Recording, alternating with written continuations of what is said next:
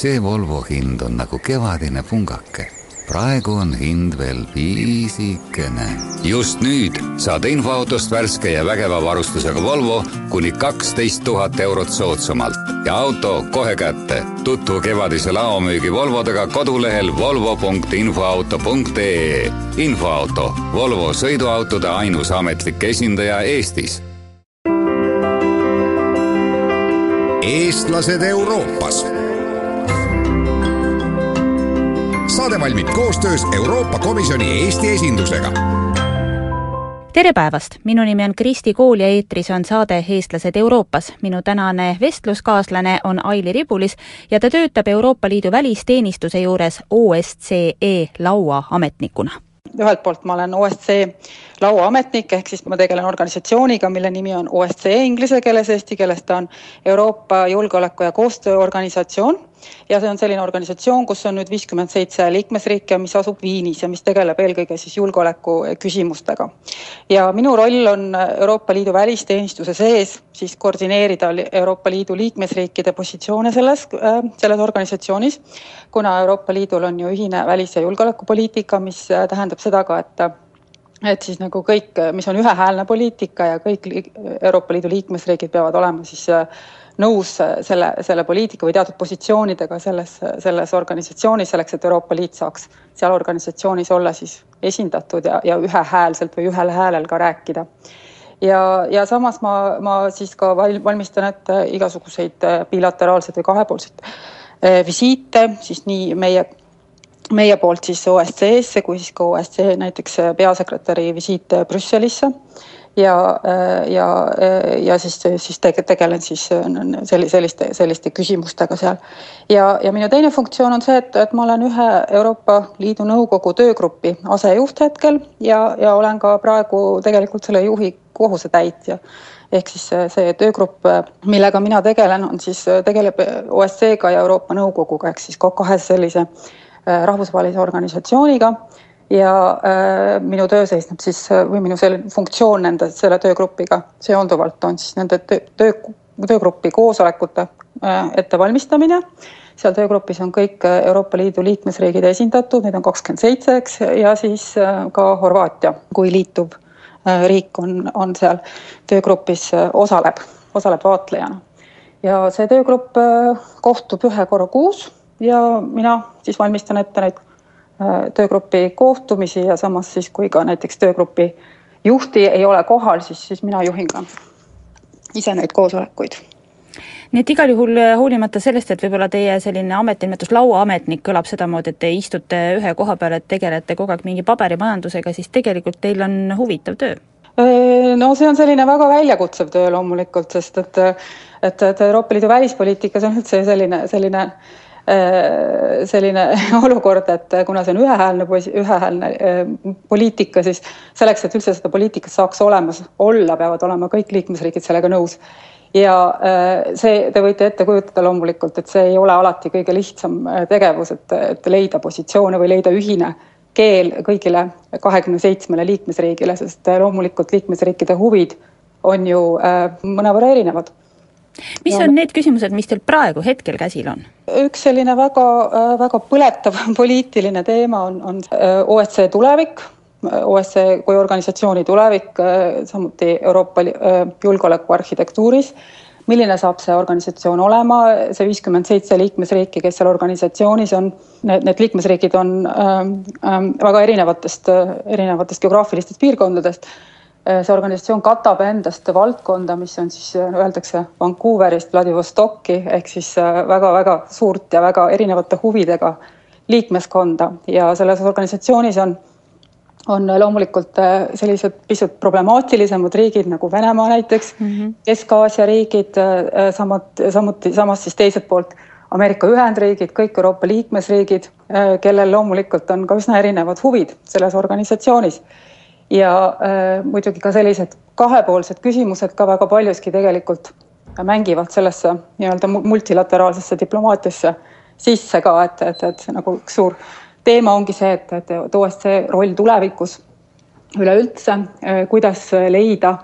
äh, taas sellist usaldust organisatsiooni liikmete sees ja, ja samuti, kuidas leida siis neid äh, valdkondi, mis siis ka tulevikus seda organisatsiooni hoiavad päevakajalisena ja et, et kuidas seda organisatsiooni ennast hoida päevakajalisena. et, et muutuvas maailmas loomulikult julgeolekuriskid ju ka muutuvad päris kiiresti ja päris oluliselt, et, et võib-olla just see küberjulgeolek on ka üks selline valdkond, kus äh, traditsioonilised julgeolekuorganisatsioonid olid nagu pigem vähem osalesid või, või, või pöörasid nendele teemadele tähelepanu, aga just, just viimasel ajal loomulikult äh, on järjest rohkem, on see järjest rohkem päevakajale tõusnud ja, ja noh, samamoodi näiteks äh, need julgeolekuohud, mis kaasnevad Afganistanist vägede väljatoomisega ja, ja mis siis eelkõige Äh, kardetakse, et, et Kesk-Aasia regiooni puudutavad. et, et need on ka selline teema loomulikult, mis väga paljuski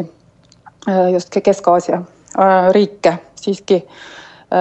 paneb muret tekitama ja, ja mis siis ka nagu OSCE kui organisatsiooni raames järjest, järjest nagu noh, rohkem tähelepanu nõuavad. ma töötasin enne seda, kui ma tulin, tulin Euroopa Liidu institutsioonidesse tööle, ma töötasin NATO peakorteris Äh, kaks pool aastat ja, ja, ja tegelikult äh, sealt ma sain nagu ka väga selgelt juba sellise esimese kogemuse sellest, kuidas, kuidas multilateraalne diplomaatia julgeoleku küsimustes nagu töötab ja kui, kui tegelikult tundlikud need teemad on. Ja ähm, just äh, viimastel kuudel, kui ma töötasin NATO peakorteris, see oli kahe tuhande kaheksanda aasta augusti lõpuni, see oli just see aeg, kui, kui toimusid Gruusias äh, Äh, väga murettekitavad sündmused ja, ja loomulikult äh, oli ka siis ka väga-väga selgelt äh, NATO peakorteris neid, neid ka arutati ja, ja, ja see oli väga-väga huvitav kogemus loomulikult näha, et, et kuidas, kuidas, kuidas sellised diskussioonid toimuvad ja ja, ja millisele tulemusele siis, siis jõutakse. Te ütlesite ise ka, et need on väga tundlikud teemad, peab olema väga hea diplomaat ja just nimelt arvestama sellega, et kultuurid on nii erinevad, riigid on erinevad. Ehm, mis on need vead, mida te võib-olla ise olete teinud või mida te teate, et ei tohiks teha sellise töö juures? mulle siiski tundub, et Euroopa Liidu välispoliitika tegemisel riikide huvid mängivad suuremat rolli kui nüüd võib-olla need, need kultuurid või, või see nii-öelda see, see asjade, asjade ajamise, ajamise viis aga üks niisugune sellistest väljakutsetest kõige, kõige võib-olla suurematest ongi, ongi nagu see, et, et ikkagi veenda neid liikmesriike selles, et ka nende huvides on, on tegelikult teinekord see, et et kui, kui räägitakse nende kõigi nimel, et kui Euroopa Liidul on ühine positsioon, siis see hääl on oluliselt tugevam sellest, kui, kui liikmesriigid eraldi räägivad. Ja see ka loomulikult vahel, eriti suurtele liikmesriikidele ei ole sugugi mitte kerge. Äh, seda selgeks teha ja, ja, ja noh, samas äh, nende poolt on, on ka natuke rohkem sellist äh, rivaalsust või nad ise, ise üritavad nagu oma bilateraalsete suhetega või kahepoolsete mm -hmm. suhetega siiski, siiski, siiski no muidugi nende, nende selline poliitiline jõud ja, ja, ja noh, mõju on ju ka oluliselt suurem, kui nagu väikeriigil on, et et selles mõttes võib-olla, et, et kui see väikeriigi positsiooni nagu Euroopa Liidu ühispositsioon olulisel määral võimendab, siis, siis võib-olla suure, suurriigi, ütleme Saksamaa näiteks või Prantsusmaa perspektiivist on see on see, on see nende positsiooni võimendamine võib-olla pisut, pisut väiksem ja, ja kui nad peavad sealt omalt poolt oma positsioonist midagi nagu ära loovutama, siis siis, siis võib-olla nad teinekord pisut nagu võib-olla kahtlevad või, või mõtlevad, mõtlevad selle peale, et kas, kas ja kui äh, suur see nende huvi selle tegemisel nüüd tingimata on. kuigi tegelikult võiks ju mõelda, et majandusküsimustes saad veel kuidagi aru, et riikidel on omad huvid, eks selline asi nagu julgeolek, see peakski olema ühine asi.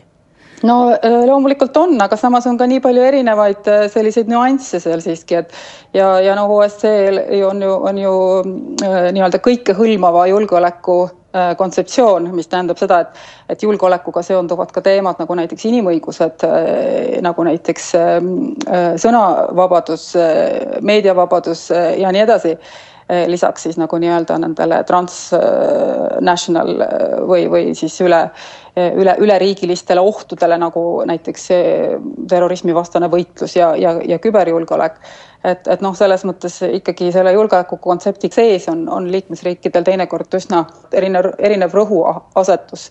ja, ja samuti ka, kui, kui vaadata, vaadata erinevaid OSCE liikmesriike, näiteks noh, Venemaa suhtes on ka loomulikult Euroopa Liidu endi liikmesriikidel positsioonid siiski natukene erinevad ja, ja, ja noh, loomulikult võib-olla mõnedele liikmesriikidele ei, ei ole ka Venemaa teemad nii väga võib-olla tundlikud või, või nad on sellest kuidagi kaugemal ja nad võib-olla ei ole nii kriitilised ja nad ei pea alati kuidagi vajalikuks ka väga selliseid kriitilisi raskeid teemasid üles tõsta samas kui, kui mõned teised äh, liikmesriigid on, on, on palju, palju tundlikumad äh, näiteks äh, küsimustes, mis puudutab meediavabadust või, või inimõigusi. hästi paljud intervjueeritavad on mulle öelnud, et nad ei esinda seal tööl niivõrd Eestit kui just nimelt Euroopa Liitu ja Euroopat, kas see on vahel raske ka mingis küsimuses just nimelt Eestil ja Venemaalgi näiteks? On ju selline oma elatud eluslepp ja suhted, et jätta kõrvale see oma riik ja, ja oma arvamus asjast ja, ja keskenduda sellele, et me peame ajama Euroopa asja. No eks see on äh, mõnes mõttes vist, vist ka professionaalsuse küsimus, et, et, et, et loomulikult, et et kui ma teen oma tööd, siis ma olen selle nii-öelda Eesti, Eesti mütsi või Eesti kostüümi äh, nagu äh, siiski ära võtnud, et äh, me peame esindama Euroopa Liidu huve kui, kui, kui sellist, et teinekord loomulikult, kui me näiteks poliitilisi dialoogi teeme Venemaaga ja ja, ja tuleb seal siiski teinekord ette seiku, kus, kus Venemaa kritiseerib osasid Euroopa Liidu liikmesriike, muuhulgas siis ka Eestit, siis ma ei saa Eesti positsiooni kui sellist üle võtta, aga samas loomulikult mul on ka teatud, teatud eelis eh, siis eh, nii-öelda olla võib-olla selgitavas rollis sellises situatsioonis, et ja, ja noh, samas teha võib-olla sellist selgitustööd ka siis nagu oma institutsiooni sees, sest, sest aeg-ajalt on on ju ka seal erinevaid, erinevaid arvamusi. no kui tihe teie elutempo on, kui te vaatate aprillikuud, siis milline see on? no aprillikuu jooksul tuleb OSCE peasekretär Brüsselisse visiidile ja, ja seda pean ma ette valmistama siis on vaja meil äh, valmistada ette järjekordne konsultatsioon OSCE sekretäriaadiga, mis toimub Lääne-Balkani teemadel seekord ja äh, töögrupp ette valmistada ja kaks poliitika, poliitilist dialoogi äh, tuleb, tuleb mul ette valmistada ja, ja läbi viia, nii et äh, see kalender on, on, on üsnagi, üsnagi tihe. eestlased Euroopas. Saade valmib koostöös Euroopa Komisjoni Eesti esindusega